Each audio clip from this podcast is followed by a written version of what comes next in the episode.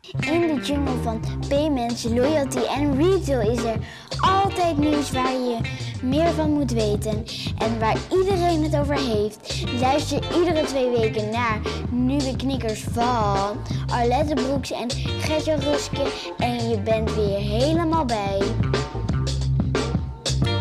Zo, hallo allemaal. Welkom bij aflevering nummer... Weet je het? Weet je het, Arlette? 34. ja, Ja. 34 inderdaad. En eh, we hebben een eh, gast. We Weliswaar nemen we weer op, eh, op afstand, maar we hebben een gast, Henk van Arkel. Die gaan we zo even introduceren. Ja, Eh, superleuk om het weer een keertje met z'n drieën te doen.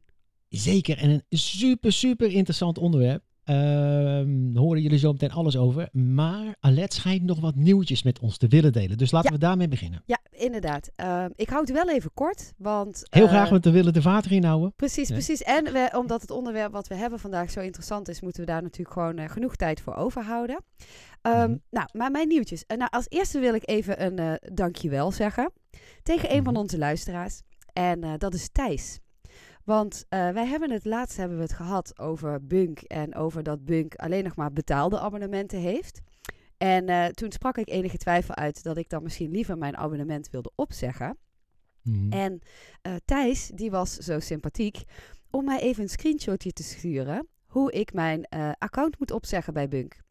Oké, want dat Ja. was een beetje lastig, begreep ik. Ja, inderdaad. En het was dus inderdaad Hm. zo dat mijn abonnement automatisch op betaald was gezet. Dus Mhm. eh, als ik niks had gedaan, want ik kreeg dan drie maanden gratis, maar als ik dan niks had gedaan, dan moest ik daarna gewoon gaan betalen. Maar Thijs Ah, ja. eh, heeft mij eh, gered, dus dankjewel Ja. Thijs. Dankjewel, Thijs. Dankjewel Thijs. Hey, en eh, Ja. moeten we misschien maar even op de website zetten dan, denk ik, hoe je dat doet. Nou, precies. Ja, het, het lijkt nu heel erg ingestudeerd, maar dat was mijn tweede nieuwtje. Mijn tweede nieuwtje was dat wij op de achtergrond, in alle stilte, onze eigen nieuwe knikkerswebsite hebben gelanceerd.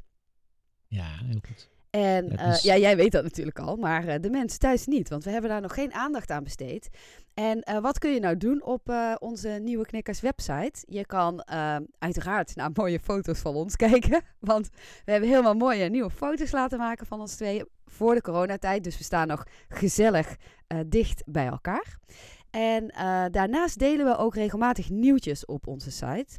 Naast dat je natuurlijk gewoon eh, alle podcasts terug kan kijken en ook in contact kan komen met ons.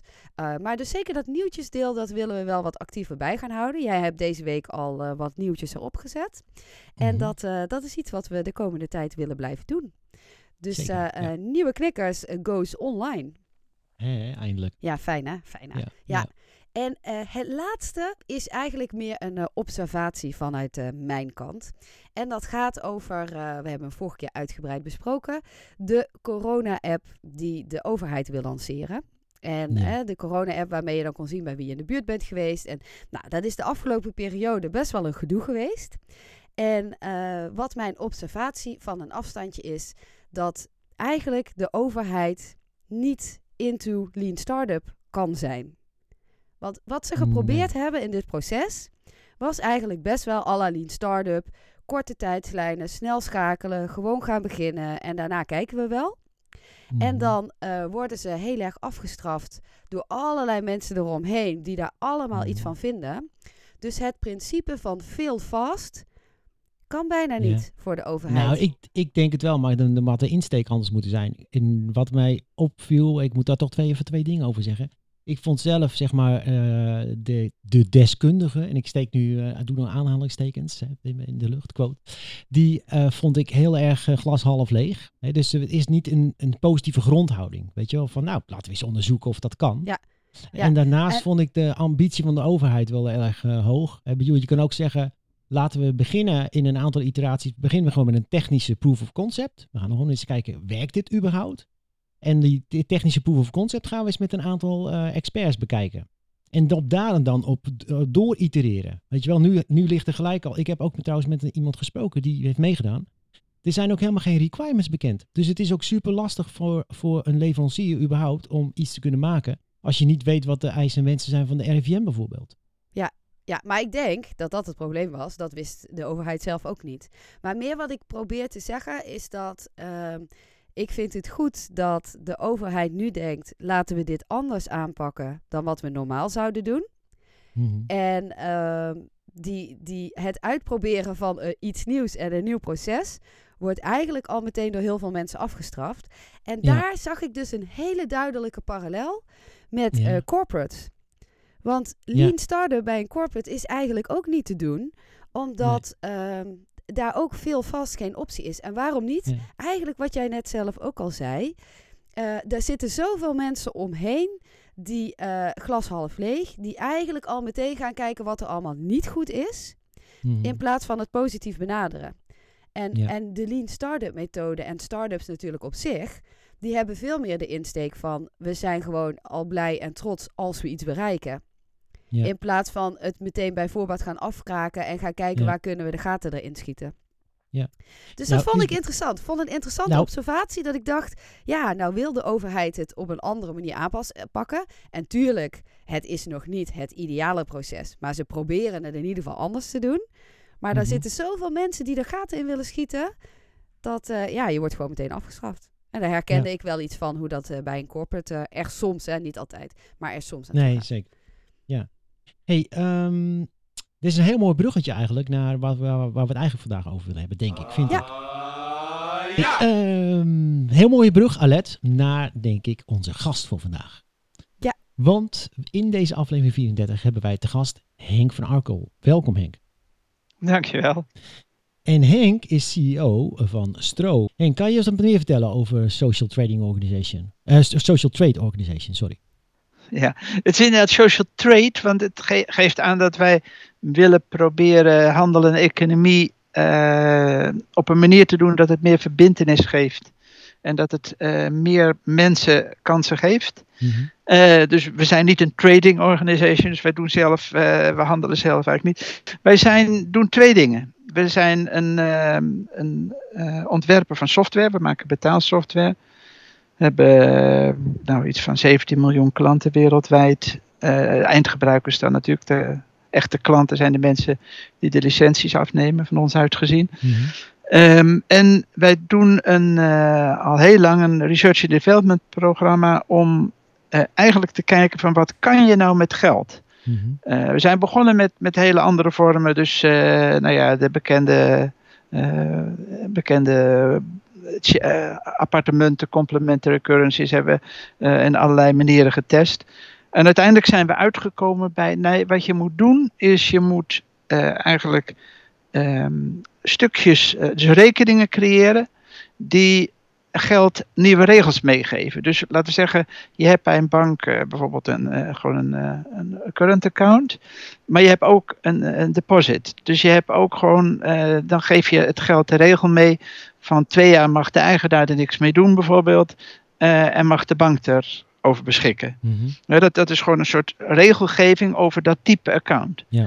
Nou, eigenlijk zien we daar de meeste mogelijkheden dat je kan zeggen van hé, hey, als je nou bepaalde types, accounttypes aanmaakt Mhm. eh, en je geeft daar nieuwe regels over. Dat, waarom is dat bijvoorbeeld nu heel erg urgent?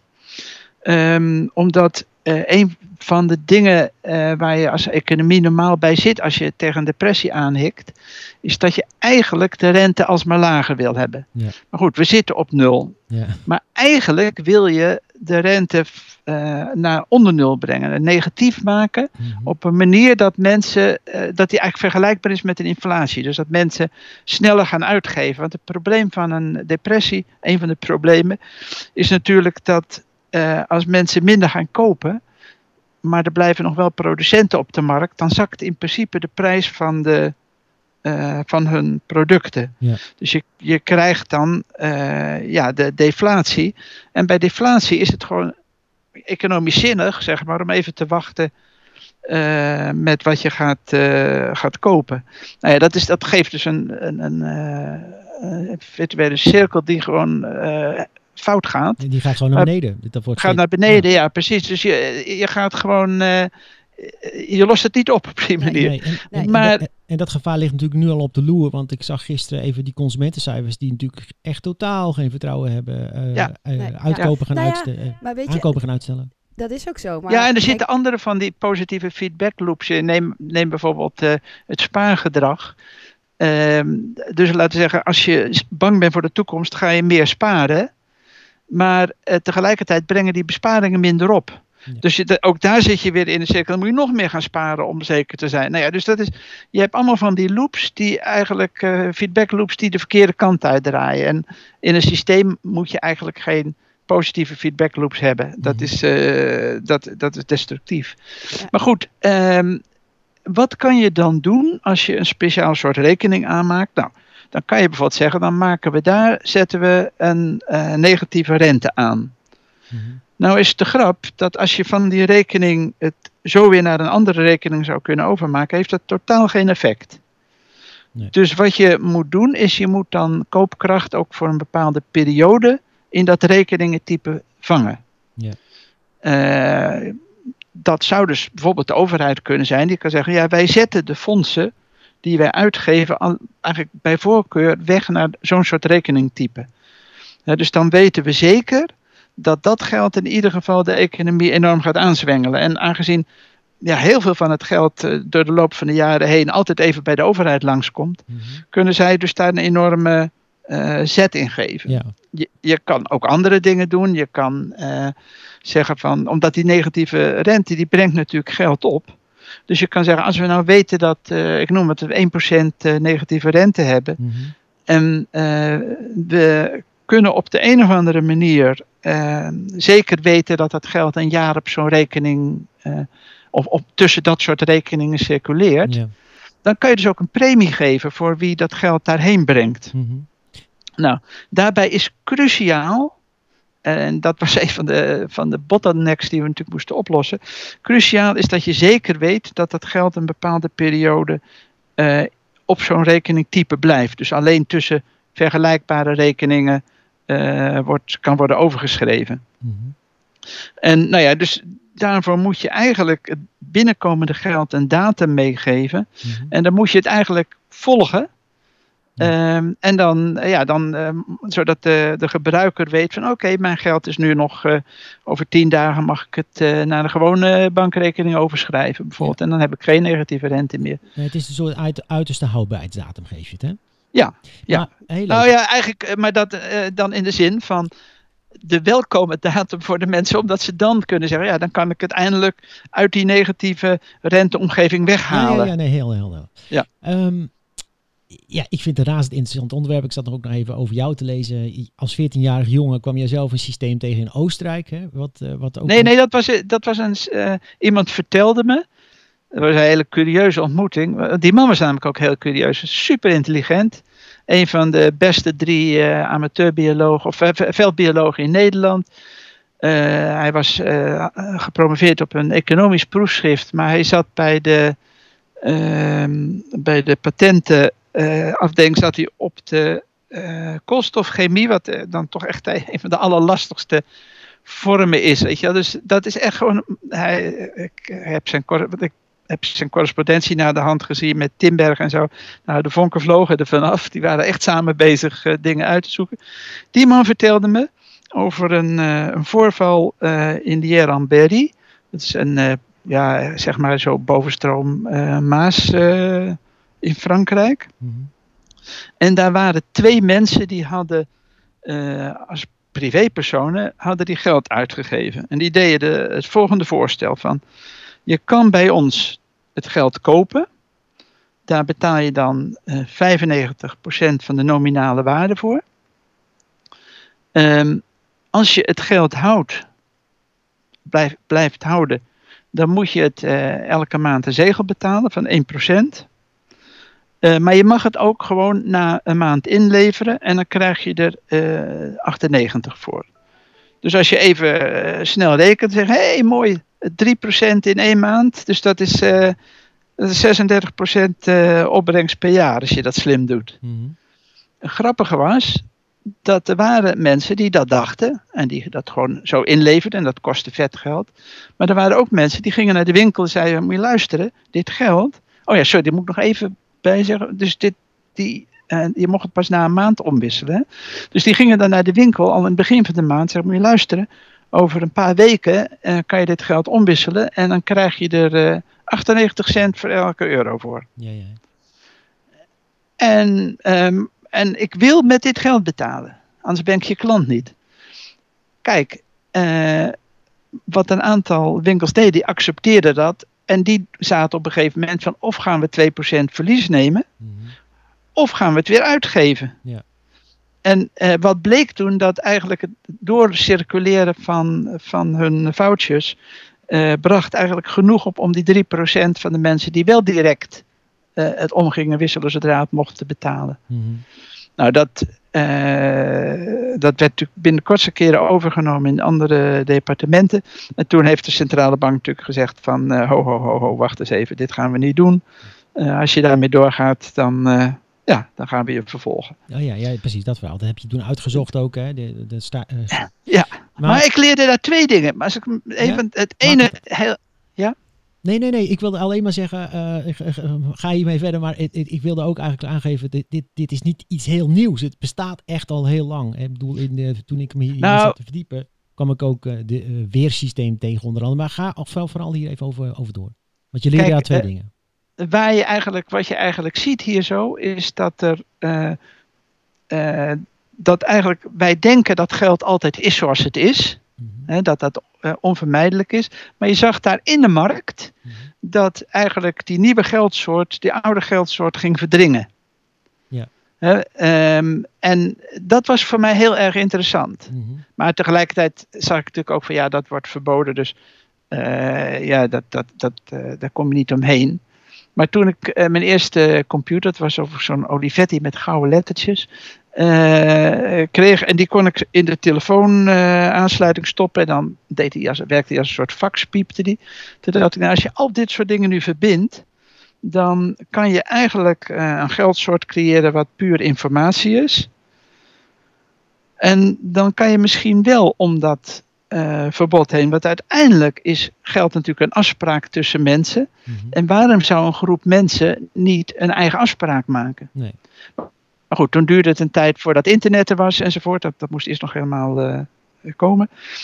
En nou ja, toen zijn we in, eh, ja, ergens, we hadden net in, in Argentinië bij, geholpen bij een heel groot project met een paar miljoen gebruikers.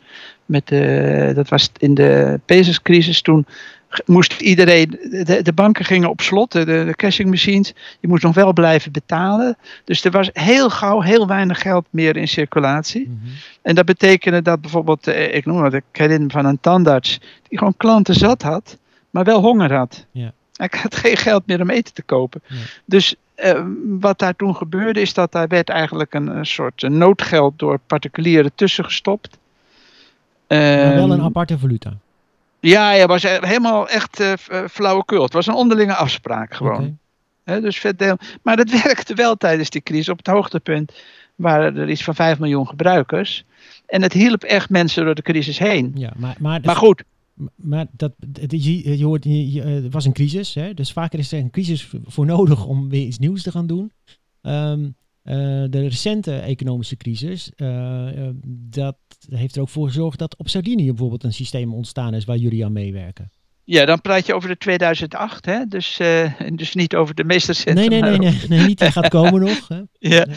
Ehm, nou ja, dus eh, daar waren eh, eh, een paar eh, jongens, feitelijk jongeren, die hadden eh, overigens elders in Europa gestudeerd. En die kwamen terug. En ja, er was geen werk, want op Sardinië was 53% jeugdwerkeloosheid. Dus ik bedoel, daar kon je gewoon echt, eh, kon je echt helemaal schudden. Dus ze moesten kiezen om of te gaan misschien emigreren, maar dat was in die tijd waren er ook niet zoveel banen in, in Nederland of waar dan ook. Of ze moesten iets doen. En die besloten dus om een, eh, een ruilnetwerk op te zetten. En eh, dat waren toevallig, eh, zaten daarbij van de drie, waren de tweede kleinzonen van de verzetsheld van Sardinië. Dus die hadden, eh, kregen heel veel vertrouwen. Dus die gingen gewoon bij bedrijven langs. Die zeiden, Ga je meedoen? Oh ja, ja jullie zijn de kleinzonen van. Ja, nee, we doen mee. Geen contract, niks niet. Weet je, iedereen vertrouwde dat gewoon. En die begonnen dus een netwerk en begonnen onze software te gebruiken. En eh, bouwden dus eh, eigenlijk een ruilnetwerk op wat gebaseerd is op krediet. Mhm. Dus, eh, dus het geld komt in omloop als onderling krediet. Dus een bedrijf levert een stuk meestal van zijn spare capacity.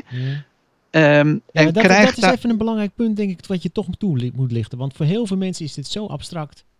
Kijk, feitelijk is er een soort broker. Hè? Dus je, hebt, je speelt ook een, de uitgever van het geld heeft ook een soort brokerfunctie om te zoeken naar die overcapaciteit, toch? Ja, want eh, kijk, het is gewoon voor een bedrijf, die kan, stel voor je eh, verhandelt computers. Eh, je hebt nu computers van anderhalf jaar staan. Je weet, als je die goedkoper gaat maken, eh, dan worden de nieuwe computers niet verkocht. Mhm. Eh, dus je wil eigenlijk die computers op een hele andere markt verkopen. Zodat gewoon eh, je normale klanten gewoon de nieuwe dingen blijven kopen, dat je daar gewoon je normale eh, handel hebt. Dus er zijn, en bij een crisis zijn er heel veel bedrijven met overcapaciteit. En eigenlijk heeft die een waarde tussen de nul en, en soms kost het zelfs geld als je je showroom vol hebt staan, tussen de 0 en bijvoorbeeld 40 procent. Dus die zijn bereid dat te verkopen voor een claim op andere bedrijven. En dus wat die broker zoekt, die zoekt zo'n bedrijf en die gaat vragen van, maar wat hebben jullie zelf nodig? En dan gaat hij dus als het ware eh, de, de overtollige capaciteit van verschillende bedrijven aan elkaar verbinden. En voor bedrijven is het helemaal niet erg als je, stel voor je verdient met dat wat voor jou een waarde had tussen de 0 en de 40 procent. Eh, je verdient daar iets mee en je kan daar iets mee kopen wat voor jou eh, een waarde heeft van voor 80 procent. Dan denk je, dat is mooi vet. Eh, dus dan kan het je helemaal niet schelen dat je nominaal eigenlijk te veel betaalt of dat je een product koopt wat, je, nou, wat niet je grootste prioriteit heeft, omdat je het gewoon betaalt met iets wat voor jou heel erg weinig waarde heeft. Nou, dat netwerk is gaandeweg gegroeid en eh, met de crisis met de ontwikkeling vanaf de crisis hebben we dat ook kunnen evalueren. Dus de, de aard van het netwerk is veranderd.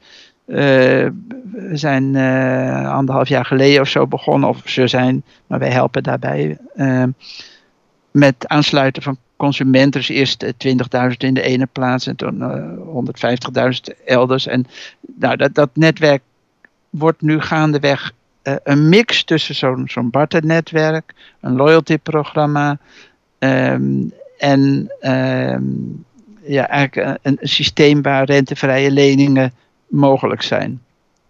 Interessant. En hè, want je gaf net eigenlijk al aan van uiteindelijk zo'n eh, netwerk gaat pas een succes zijn als er adoptie is door allerlei verschillende partijen. En hoe doorbreek je dat kip-ei-probleem dan als je zoiets nieuws wil introduceren?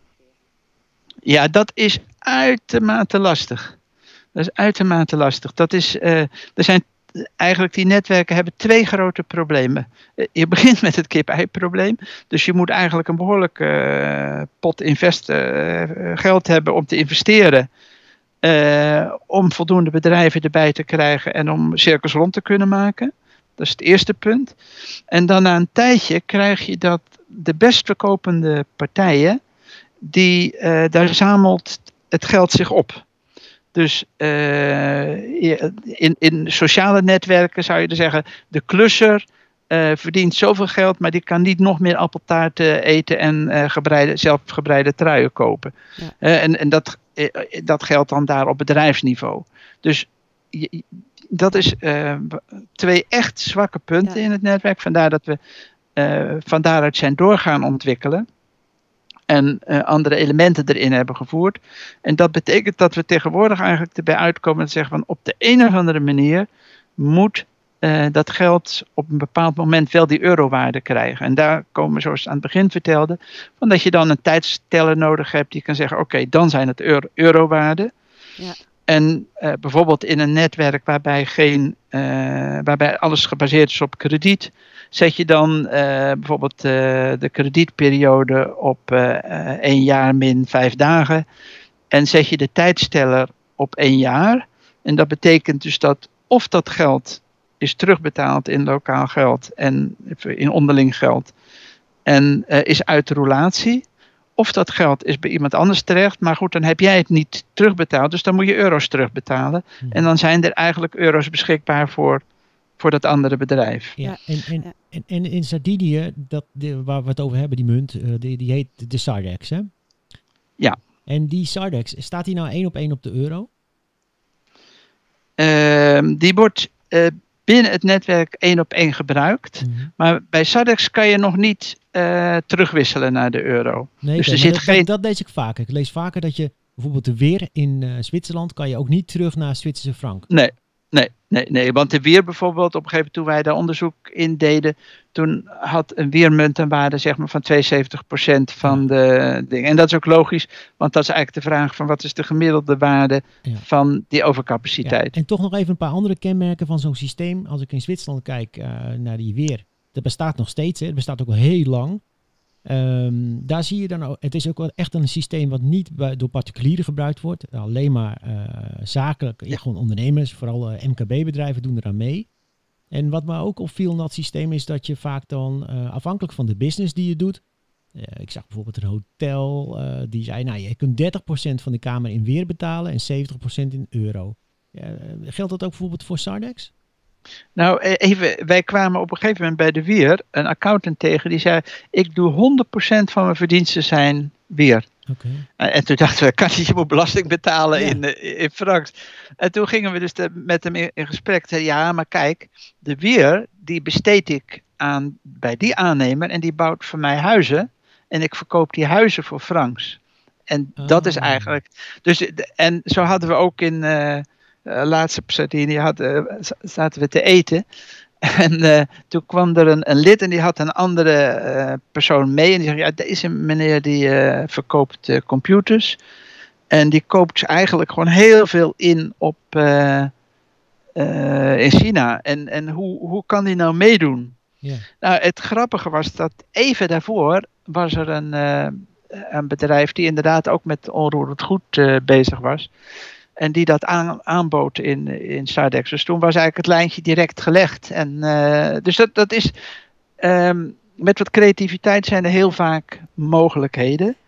Maar we zijn nu echt. eh, laat zeggen. ehm, dit model was het beste wat we toen hadden. En we zijn inmiddels doorgeëvalueerd. En inmiddels komt er consumentengeld binnen bij, bij Sardex. En, en zijn we die verbinding. Eh, dat komt steeds dichter tegen de euro aan te liggen. Ja. En is de, de motivatie dan voor eh, bedrijven of consumenten om eh, hieraan mee te doen? Zit die dan in dat er ook financieel voordeel is? Of is het vooral lokale betrokkenheid? Ehm, ja, dus dan moet ik even over twee verschillende systemen praten. Bij, bij Sardex bijvoorbeeld is het gewoon, het geld komt in omloop als krediet. Dus dan heb je het voordeel dat je een krediet krijgt. En vervolgens eh, gaat het een reeks eh, transacties faciliteren, waarbij mensen het gewoon verdiend hebben en, en weinig andere keuze hebben. Ehm, wat ik net vertelde, als je ehm, eh, met een negatieve rente werkt, dan kan je natuurlijk ook zeggen van we geven een premie. Ehm, wij, in Nederland hebben we netwerken waarbij mensen, bijvoorbeeld een netwerk van duurzame bedrijven, United Economy. En daar zijn mensen die gewoon, bedrijven die zeggen ja, maar wij willen gewoon zorgen dat ons geld zo lang mogelijk tussen duurzame bedrijven blijft werken. En we willen echt die duurzame sector stimuleren. Dus die eh, zetten, die kopen met hun eh, met, met euro's dan eh, onderling te goed. En die gaan dat dan eh, besteden, waardoor de volgende, die krijgt onderling te goed, die heeft dus dan op dat moment weinig andere keuzes dan het ook weer gewoon eh intern te besteden. Maar bij die, als je er een tijdteller op hebt, wat is de, eh, we zijn nu bezig met een coalitie van, van Europese regio's en grote steden, ehm, waarbij die hun, de steun die ze gaan geven en geven eh, om de economie weer op te peppen, gaan geven in, eh, op een rekening eh, waarbij dus een negatieve rente loopt en die dan pas na een jaar gecashed kan worden. Da- daar is het dus nog weer anders. Daar is de eigenaar van het geld die zegt gewoon van ik vind het belangrijk dat er zoveel mogelijk transacties plaatsvinden. Ik wil die multiplier opschroeven. Ik bedoel, in, in, in de termen van Fischer heb je de snelheid van het geld, de omloopsnelheid maal de massa, bepaalt eigenlijk de omvang van je economie. Dus als je omvang van je economie te klein wordt, ja, en je kan eigenlijk niet meer geld binnenbrengen omdat mensen erop gaan zitten op het geld, dan moet je de snelheid verhogen. En dat doet die, eh, die negatieve rente. En dat gaan we dus met die steden en, en regio's ook doen, speciaal als antwoord op de crisis. Ja, En wie, en zijn- daarmee... wie, wie, oh, sorry. wie zijn dan we? Eh, nee, ja, dat doen we samen met die regio's. En, eh, ja. met, eh, dat is een, een consortium met allemaal partners. Ja. En kijk, ik moet eerlijk zijn. ja, weet je, we zijn natuurlijk vooral in, instantie in gesprek gegaan met de, de, de organisaties die we kenden. Bijvoorbeeld, we hebben ooit een project gedaan met Lombardije, met de Kamer van Koophandel van Milaan. En dan, nou ja, dan, dan bel je en dan weet je, die weten al een beetje in welke hoek ze moeten denken. Eh, dus die, die interesseer je dan. Of eh, eh, ja, bij Barcelona hebben we een project gedaan. En we kennen mensen bij Liverpool en Normandie. En, nou ja, en, is nu ook bijvoorbeeld een Griekse regio. En als dus ja, dat wordt een verzameling. Het idee is eigenlijk om in elk Europese land zeker één regio of stad mee te krijgen. Ja. En als jullie zoiets nou eh, opzetten, eh, dan verzorgen jullie eh, de technologie.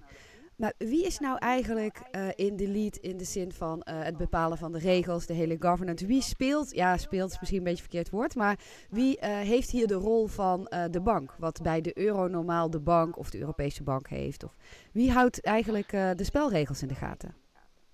Ja, dus in, in dit geval werken we waarschijnlijk allemaal met lokale banken. Eh, maar in principe eh, moet je het je zo voorstellen van eh, in onze software kan je ehm, er komt geld binnen bij de bank. Die zet het op een geblokkeerde rekening en van daaruit wordt automatisch wordt er ehm, op, een, op een speciale rekening binnen onze software geld gegenereerd. Nou, dat gaat dan naar degene die het geld op die bankrekening heeft gezet. En die heeft op dat moment zeg maar eenheden, eh, of, of, of laat zeggen, ge, geoormerkt geld in plaats van gewoon geld. Dus zijn gewone geld staat geblokkeerd en hij heeft gedurende dat jaar dan geoormerkt geld in handen. Nou, die gaat dan, eh, bijvoorbeeld als dat eh, de regio is, die gaat dan dat aan steunprogramma's uitgeven. En ja, die, die hebben dan weinig andere keus dan dat te accepteren natuurlijk, want je krijgt het. En dan zit die negatieve rente erop om dat verder aan te zwengelen. Maar het geld staat gewoon op een bank. Mhm. En eh, eigenlijk eh, de, de, de, de, hoe noem je het, eh, de, de, de rekening, de speciale rekening heeft gewoon nooit meer geld. Alle eh, speciale rekeningen samen hebben nooit meer geld dan wat er op die geblokkeerde rekening staat. Ja, maar als je, als je kijkt naar Sar, eh, Sardex, eh, nou, in, in eh, Zwitserland de Weer, dat, dat heet ook de Weerbank, die dat volgens mij allemaal beheert. Maar Sardex dat is, een, is een BV. Dat- die, Ja, maar, wat, ik, eh, wat bij Sadex hebben we tot voor kort eigenlijk nauwelijks ehm, echt geld, echte euro's erbij gebruikt. Het ging eigenlijk, en, en zelfs nu gaat het via een loyalty programma, het, eh, wat, het geld dat er binnenkomt. Dus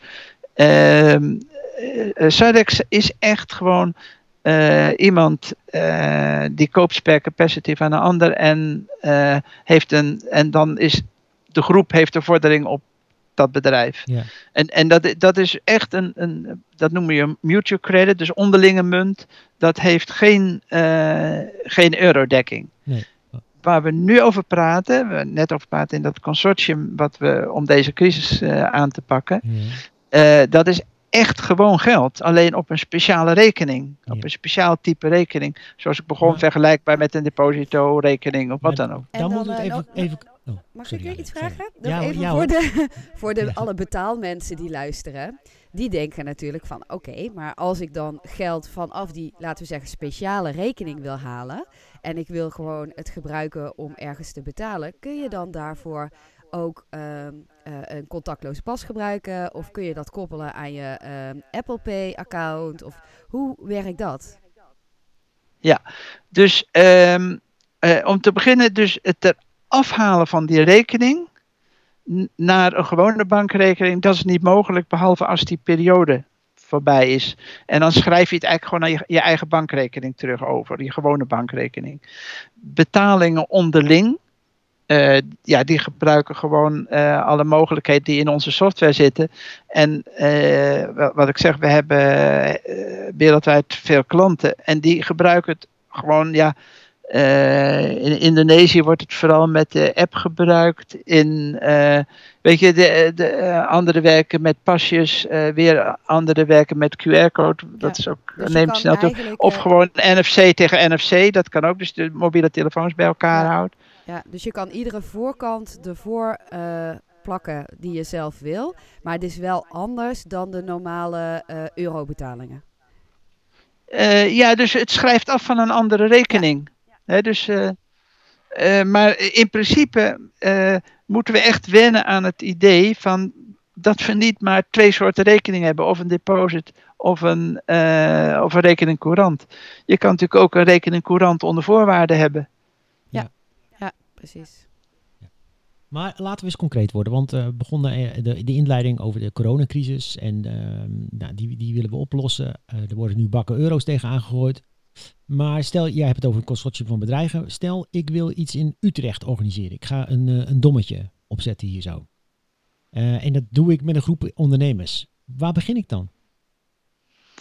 Uh, als die groep te klein is, dan gaat het hem niet worden. Dus we hebben een, een, we hebben een groep van formaat nodig, zeg maar. Ja, want we hadden dus kip ei had wel eerder geconstateerd. Ja. Uh, je moet met, ja, dan is, zou ik als ondernemers gewoon gaan praten met de overheid en gaan zeggen van nou, uh, welke geldstromen zijn jullie bereid via ons netwerk te laten lopen als je weet dat het daardoor uh, bijvoorbeeld drie keer vaker in, in Utrecht wordt uitgegeven. Ja, ja, ja. ja. Ja dus, en, maar het begint eigenlijk al met een doel. Wat is het doel? Dus het doel moet eigenlijk zijn om de lokale economie een impuls te geven, het geld echt te, letterlijk te laten rollen. Ja, en vaker... inderdaad, want in, in deze situatie is het risico dus niet zozeer dat mensen het buiten de regio uitgeven, maar mensen krijgen nu uh, steungeld, bijvoorbeeld uh, ZZP'ers, Gert-Jan en ik gelukkig niet, hè, we hebben gewoon opdrachten, maar andere mensen die krijgen nu steun vanuit de overheid.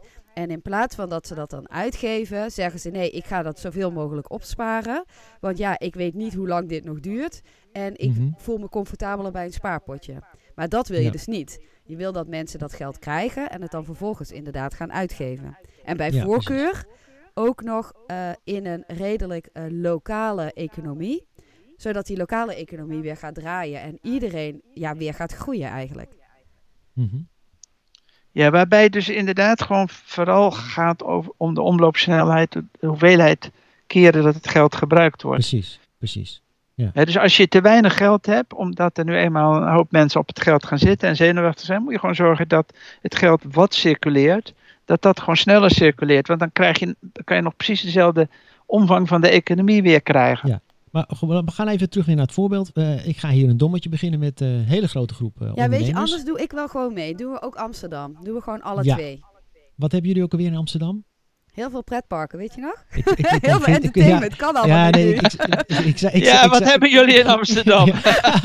Nee, ik, zei, ik zag gisteren puntje. twee, een hele leuke grap voorbij komen. Er stond 2020. Hè? Laten we eerlijk zijn. Iets met 020 in de naam. Het kan ook niet veel worden. Weet je. en we zeggen natuurlijk ook wel eens, ook even in dit verband. Hè, in Rotterdam wordt het geld verdiend, in Den Haag verdeeld, in Amsterdam wordt het uitgegeven. Ja, precies. Maar, ja, maar goed. Oké, we gaan het dommetje maken. Jij gaat ook iets maken in Amsterdam. Maar we beginnen met een hele groep, eh, groep eh, ondernemers. En, en, en dan, Henk? dan eh, eh, kan je twee dingen doen. Dan kan je dus zeggen van oké, we introduceren daarin, we zijn nu groot genoeg, we, we hebben erin een negatieve rente. En eh, iedereen die zijn geld hier inbrengt, eh, die krijgt 10% eh, bonus. Eh, eh, maar in dommetjes dan? In dommetjes. ja, dus je brengt euro's Maar die in. dommetjes hebben gewoon een eurowaarde. Dus de- Ja. de- daar. eh, ehm, eh, want je, dan, je weet namelijk. eh, dit is natuurlijk vanuit bankperspectief een beetje een griezel. omdat eh, op je balans kan je natuurlijk niet van tevoren iets weggeven. Nee. Maar iemand die wiskundig is, die zegt van ja, maar ik weet zeker dat het een jaar circuleert. Ik weet dus zeker dat het al die tijd 1% per maand opbrengt. Mhm. Dus ik kan best van tevoren die 10% eraan toevoegen. ja, precies. Ja. Hè, dus wat, het wordt er gewoon weer uitgehaald gedurende de looptijd. Ja, dus, Eh, dus eh, de- je legt euro's in, ik krijg de dommetjes terug met een gegarandeerd rendement op de dommetjes. Ja, ik zou het niet een rendement noemen. Je krijgt meer Ja, ja. dommetjes terug. Dus, je, dus ja, dat is aantrekkelijk. Als je toch van plan bent lokaal te kopen. Nou, dan is het. Maar het vervolg is dat je dus eigenlijk uh, de, degene bij wie het uitgeeft ook weer verplicht om het in Utrecht uit te geven en snel uit te geven. En dan krijg je de hele curieuze situatie dat eigenlijk voor iedereen uh, een beperktere uh, mogelijkheid is. Je zou het liever overal kunnen uitgeven.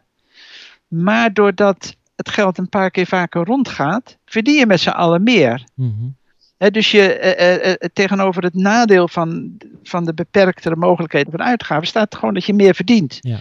Dat is voor bedrijven altijd even lastig, omdat die, ehm, die redeneren niet zo. Mm wat je verdient is één ding.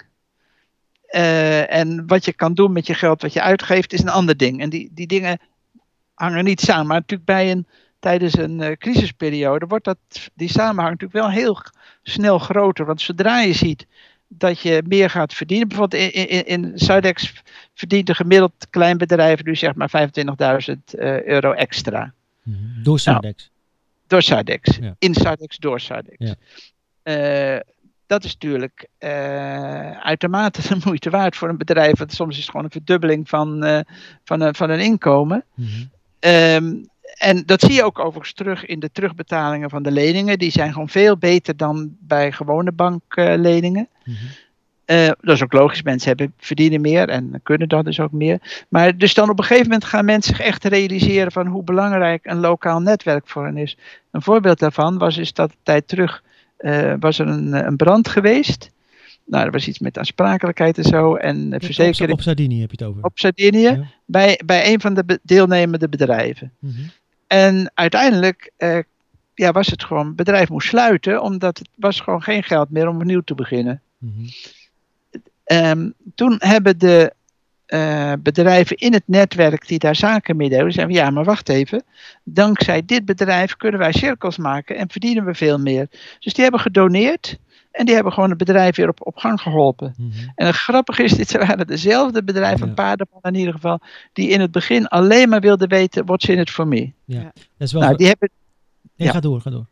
Nou ja, die hebben dus nu gemerkt dat wat er voor hen in zit, is extra omzet, ja. extra verdiensten. Ja. En, uh, ja, en, en dan moet je dus wel dat samen doen. Je hebt gewoon veel belang bij elkaar. Ja, dat is wel grappig, want uh, ik luister ook wel eens naar... Uh, hoe heet je? Kees de Kort natuurlijk, onze econoom van de BNR.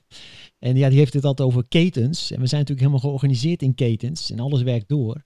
En dat zie je hier natuurlijk eigenlijk ook. Je hebt zo'n lokaal ja. niveau. En dan ja. is eigenlijk de winst hiervan dat je elkaar dan weer helpt om die business op te bouwen. Want ja, zo, zo onderbreek je de keten anders als zo'n bedrijf wegvalt. En dat heeft ook effect op de andere bedrijven. Ja. Absoluut. En wat natuurlijk ook als gevolg hè, heeft natuurlijk wel, is dat er een verschuiving van consumptie plaatsvindt. Hè. Dus niet alleen dat het daar lokaal weer meer gaat uh, lopen, maar ja, wat je lokaal kan kopen, ga je niet meer uh, interlokaal kopen. Dus, ja. En dat is goed, want we willen juist ja. naar de transi transitie waarbij diensten, uh, goederen en energie vervangen, waarbij we minder gaan lopen slepen met van alles en nog wat. En waar we dus ook economisch wat meer uh, resilience in hebben. Dat we dus meer, meer weerbaarheid in hebben. Ja. Uh, dat we uh, dus ook tijdens coronacrisis en dergelijke gewoon nog wel zelf wat kunnen onderling. Ja, inderdaad. Ja, want dat, dat zie je nu natuurlijk heel mooi. Hè? Dat dat lokale karakter weer veel belangrijker wordt. En dat we dat veel meer gaan waarderen. Waardoor je dus eigenlijk ook bereid bent om uh, lokaal iets meer te betalen dan iets van ver te halen wat veel goedkoper is.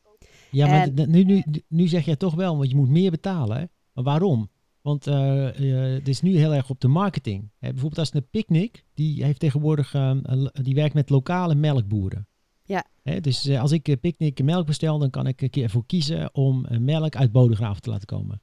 Maar nu wordt het nog echt heel erg gepromoot van ja, dat is lekker lokaal, duurzaam en, en ik moet er meer voor betalen. Ja, nou ja, je weet je, ook...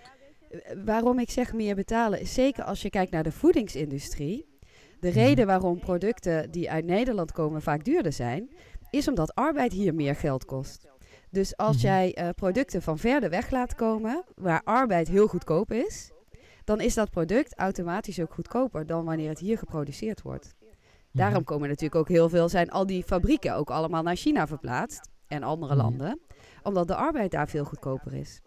En de waarde van lokaal ja, zijn we gewoon helemaal uit het oog verloren. Omdat we alleen Ja. maar gingen voor goedkoper, goedkoper, goedkoper. Absoluut. En Nee, absoluut. nu, Maar nu wordt iedereen zich er wel Daar wil bewust ik dat- van. Sorry, ja, nu wordt iedereen zich er wel bewust van. Dat oké, maar als je eh, niet meer het van ver kan halen en je hebt het zelf niet, dan heb je dus niks meer. Maar, maar even los van, eh laat zeggen, dat het inderdaad belangrijk is, eh, het lokale aspect, zeg maar, op een, op een moreel niveau, op een doelstellingenniveau, op een milieuniveau. Is het ook zo dat op een gegeven moment, als je begrijpt dat door lokaal te kopen je meer verdient, Mhm. eh, als dat kwartje valt, en als, zodra bedrijven dat gaan, gaan merken, en dat, dat weten ze in Sardex inmiddels, Ja. dan, eh, dan zijn, ben je weer ergens mee bezig, zeg maar. Want uiteindelijk is het natuurlijk.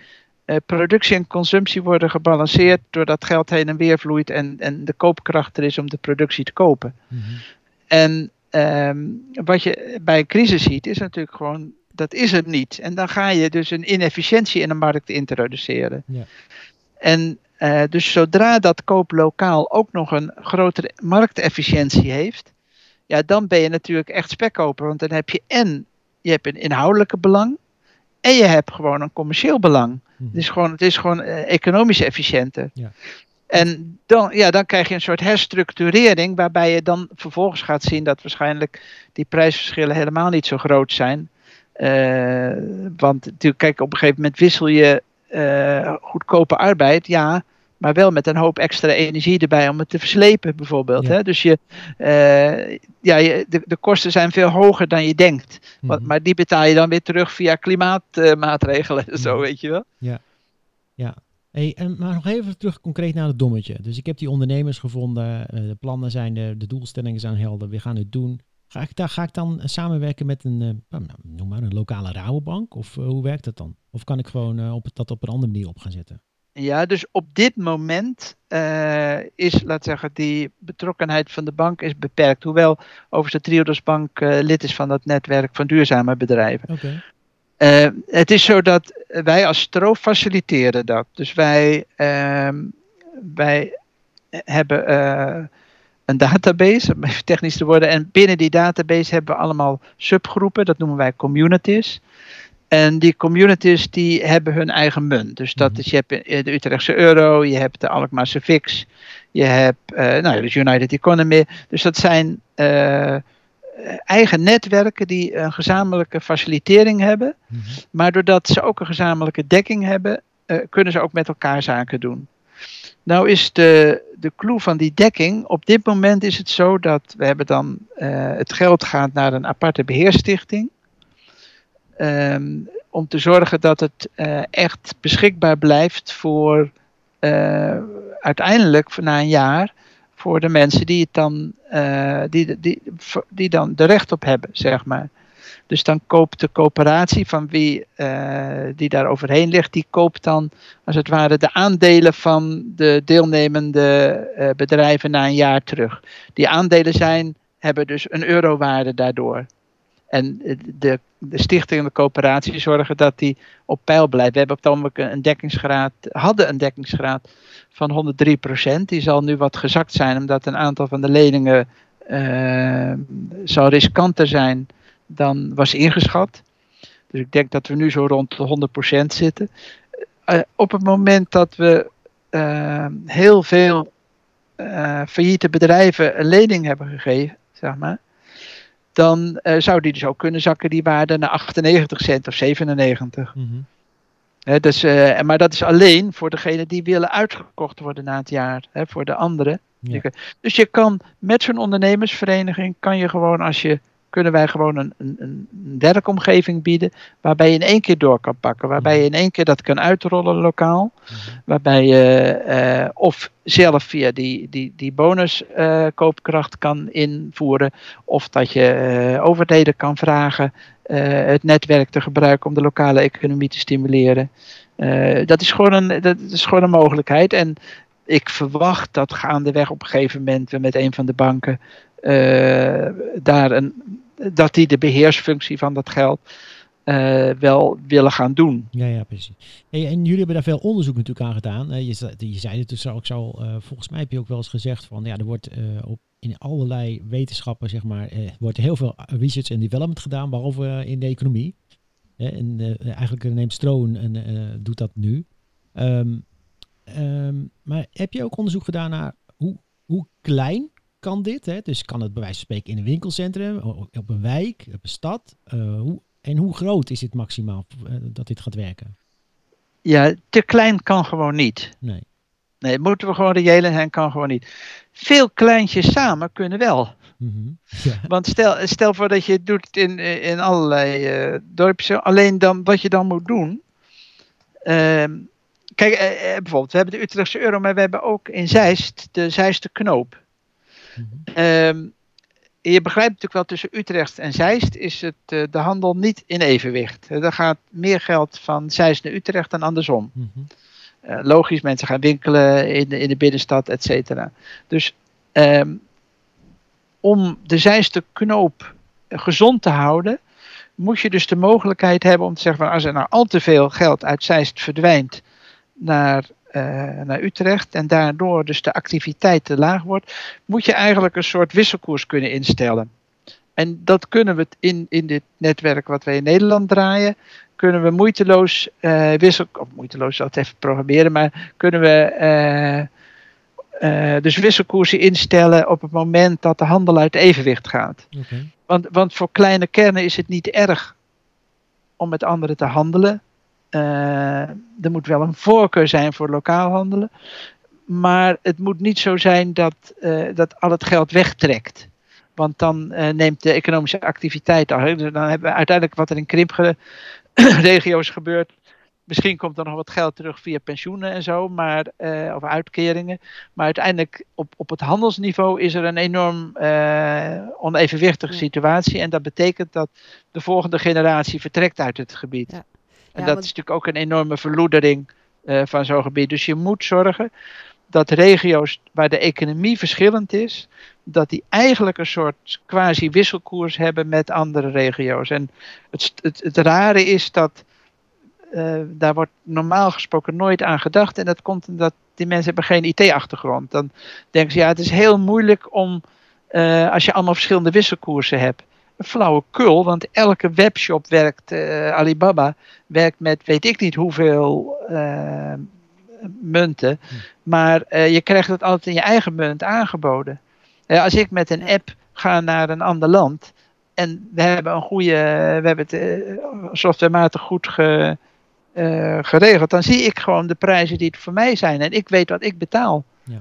Ja. Dat is gewoon die tijd dat, dat het ingewikkeld was, die is gewoon voorbij. Dat is gewoon echt, dat is e- e- echt van flauwekul.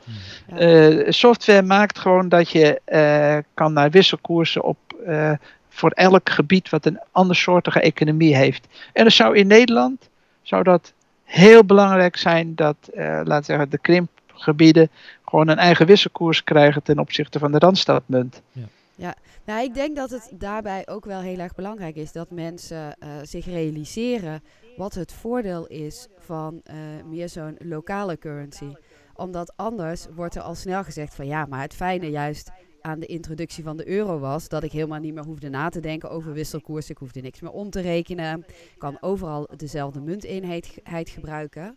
Maar dat gemak heeft dus eigenlijk ook gezorgd voor een nadeel voor de lokale economie. En ik denk als mensen zich dat realiseren, dat ze dan ook veel meer bereid zijn om het anders te gaan doen dan ja, hoe ze het hiervoor deden. Ja, zeker nu het gemak niet meer bestaat. Omdat, eh, laten we zeggen, softwarematig eh, is het niet meer moeilijker om, eh, om, te, om te kopen en te verkopen met gebieden die een andere wisselkoers hebben. Ja, Dus die informatieverschillen kan je gewoon wegwerken. Dat is, die, die, dus dat was in de tijd van het begin van de euro was dat een serieus argument. Maar in de tijd van het digitaal betalen is het echt flauwekul. Ja, je hoeft niet meer naar een wisselkantoortje om dingen om te wisselen. Want dat gaat Nee. inderdaad gewoon op de achtergrond automatisch. Ja, Ja, en je ziet gewoon op je telefoon wat het je kost. Wat Ja. het jou kost in jouw munt. In jouw munt. Precies, precies. Net zoals dat je nu inderdaad een aankoop doet in een grote webwinkel, eh, weet ik veel waar, in China. of- Ja, Ja. Ja. ja, daar, daar moet je ook niet gaan denken van, oh, wacht even, ik zie dat het eh, in RMB is. Wat, wat is op moment de wisselkoers en eh, wat ga ik dus echt betalen? ja. Ja, precies. Hey, ehm, nog even een, ehm, in het kader van de corona. Want we zien hier een oplossing in om straks die economie weer op gang te krijgen. Die zie jij toch ook, Henk? Ja, ja, nee, dus wat ik zeg, we zijn niet voor niks bezig zo'n consortium te organiseren. Omdat, kijk, eh, überhaupt, hè, we hebben geen idee hoe we hier uitkomen. Nee. Maar, eh, en in het begin dacht ik van, oh, dat gaat prima lukken, want op het moment dat de lockdown over is en zo, is iedereen zo opgelucht. die gaat lekker extra uitgeven. Mhm. Maar inmiddels gaan er natuurlijk echt heel veel bedrijven en, en die komen echt zo ver in moeilijkheden dat de vraag is of ze er überhaupt nog bestaan naderhand. Ja. En dan krijg je wel een echte economie met de karakteristieken van een depressie. Ja. Want die mensen gaan minder uitgeven. Andere mensen worden dus voorzichtig. En dan, dan krijg je die cirkel naar beneden. Eh, dus eh, ja, nu dat zo lang duurt. En, en nog wel een jaar op een bepaalde manier gaat duren. eh, gaat dat, gaan we dus wel, denk ik, echt in een serieuze depressie uitkomen. En kunnen we dat niet gewoon lekker opgelucht achter ons laten. En, en dus moeten we maatregelen nemen. Die maatregelen zijn natuurlijk wat de overheid doet, proberen die onrust uit de markt te halen door geld te scheppen en, en geld te geven. Oh, nou ja, zij lenen het dan nog. Dat is voor mij volkomen onduidelijk waarom ze dat doen en waarom de ECB niet, niet schept. Ik bedoel, zoals ze dat in Amerika doen. Mhm. Eh, maar, eh, maar goed, eh, je moet als overheid dus proberen die economie draaiende te houden door, door er geld in te pompen. Maar ja, ik zou zeggen, doe het dan effectief. Weet je wel, zorg dat elke euro die je erin pompt, laten we zeggen, eh, voordat het naar de financiële wereld gaat, de speculatie of naar China, dat het hier in ieder geval, eh laten we zeggen, vijf, zes. het- In Zuid zitten we tussen de zes en de twaalf keer dat geld besteed wordt Ja, dat, ro- dus- dat het rondgaat, zeg maar. Dat, dat het rondgaat. Ja, dus ja. dat, dat er mensen er verdienen aan één binnenkomende eh, of één geschapen eh, euro. Daar verdienen 6 tot 12 mensen iets aan. Precies. En, en die geven het ook allemaal weer uit natuurlijk. ja, Dat is dan het logische gevolg. En eh, laat zeggen, als je niet heel erg in de schulden wil komen als Nederland. Ja, dan doe je er verstandig aan om te zorgen dat het geld wat je in omloop brengt. En eigenlijk niet alleen het steungeld, maar überhaupt al je uitgaven. Dat je zorgt dat dat een enorme effectiviteit krijgt in de Nederlandse economie. Mhm. En daarvoor moet je het een, een, een, voor een bepaalde periode eh, opsluiten. En je moet het in een rekeningtype betalen waar het niet direct gewoon eh, naar, eh, naar gewone eurorekening, naar de China, naar de financiële wereld, naar wa- waar dan ook terecht kan. Nee, het moet echt gewoon voor lokale economische activiteit gebruikt worden. En dan kan je met een, met een negatieve rente erop gewoon tempo van, van uitgaven en verdienen, uitgaven en verdienen, uitgeven en verdienen, kan je enorm opvoeren. Dus dan, eh, ja, da- dan doet het ook echt wat. Ja, ja, ja. Hey, en eh, dat consortium, vertel daar nog eens even wat meer over. Want ben je nog op zoek naar, eh, wat, of waar, waar- ja, waar, ben je precies naar op zoek naar? In het, heb, je, heb je het consortium al compleet? Moeten er nog partijen bij? Ja, ja, nee. In Nederland bijvoorbeeld. We zitten nog even te wachten op de provincie Utrecht. We hebben met de provincie Utrecht een beetje een conflict. Want eh, we zouden een subsidie krijgen, maar die willen ze uiteindelijk niet doen. Omdat ze vinden dat Utrecht een open economie moet zijn. Hmm. Een argument wat ik me nog wel kan voorstellen voor de coronacrisis. maar na de coronacrisis toch wel echt een heel raar argument is geworden. En bovendien, wat gewoon niet acceptabel kan zijn voor het kleinbedrijf in, de- in de provincie. Maar goed, eh, we hopen nog, had ik heb net nog weer een brief geschreven naar de, eh, naar de gedeputeerden om het onder een andere invalshoek uit te leggen. Mhm. Dus we hopen daar nog uit te Ja. komen. Maar Nou ja, anders gaan we gewoon kijken naar een andere regio in Nederland eh, die wel mee wil doen. want ik wil net Want we willen eigenlijk in elk land hè, kom, Sorry? kom gewoon lekker naar Amsterdam. Want in Amsterdam denken we allemaal dat eh, buiten de ring houdt de wereld op. Dus Amsterdam is gewoon lokaal. Eh, dus je bent hier van harte welkom. Z- als Utrechter zou je zeggen, ja, ik weet niet of je in Apkoude Noord. hè, maar de. Ja, dus eh, nou, misschien luistert een, eh laat zeggen, een gedeputeerde of een wethouder hiernaar en die zegt van ja, maar dat moeten wij wel doen. Hè? Dus, eh, want wij gaan gewoon in principe met één project in Nederland ook dat als pilotproject doen. En nou ja, we hebben dus nu in Griekenland, Italië, Spanje, Engeland, Frankrijk. Eh, hebben we projecten. We gaan, gaan nu komend weekend in Hackathon in en hopen daar eh, nog een aantal andere regio's eh, aan te sluiten uit Oost-Europa en Scandinavië. We zijn nog bezig in Duitsland ook. En dan, eh, ja, dus dan worden dat de voorbeeldprojecten waar we eerst alle aandacht naartoe laten gaan. En dan later kunnen andere eh, regio's in het land hetzelfde doen. Ehm, w- ja, we moeten. Ik zit naar de klok te kijken. Ik Ja. zit met de pletten. Ja. Ik ga de, de, de eindlieden zo instarten. Ehm, maar even nog over die hackathon. Let goed op, hè, eh, Henk. Want eh, de overheid heeft wat fouten gemaakt dit weekend. Maakt die niet. Ja, nou, ik ga ervan uit dat eh, er niet zoveel kritische ogen op jullie gericht zijn, zoals dat bij de overheid wel het geval is, hè? Met alle half leeg eh, ehm, eh, experts eromheen. Maar ik wil eigenlijk wel nog even een oproepje doen aan onze luisteraars. Want als jullie nou mogelijkheden zien of ideeën zien eh, om hiermee aan de slag te gaan, meld je vooral eh, ook even bij ons. En ook als jij nou vragen hebt over dit onderwerp, of zelf een vraag zou willen stellen aan Henk, dan eh, ben je ook van harte welkom om je even te melden bij ons. Omdat wat, wat wij eigenlijk willen doen, is de komende tijd de ontwikkelingen op dit vlak toch wat nauwer volgen. Omdat wij hier echt wel in geloven dat dit de economie de boost kan geven die de economie nodig heeft. Dus ehm, nou ja, iedereen laat je vooral horen. En dan eh, hopen wij Henk binnenkort weer een keer te spreken over dit eh, onderwerp. En over de Zeker. voortgang. Yes, zeker. Hey Henk, hartstikke bedankt voor, Ja, oké. voor je bijdrage. En we spreken elkaar hopelijk snel weer. Dankjewel Jo, oké, succes. Hoi, hoi. Ja, daar. Doei. doei.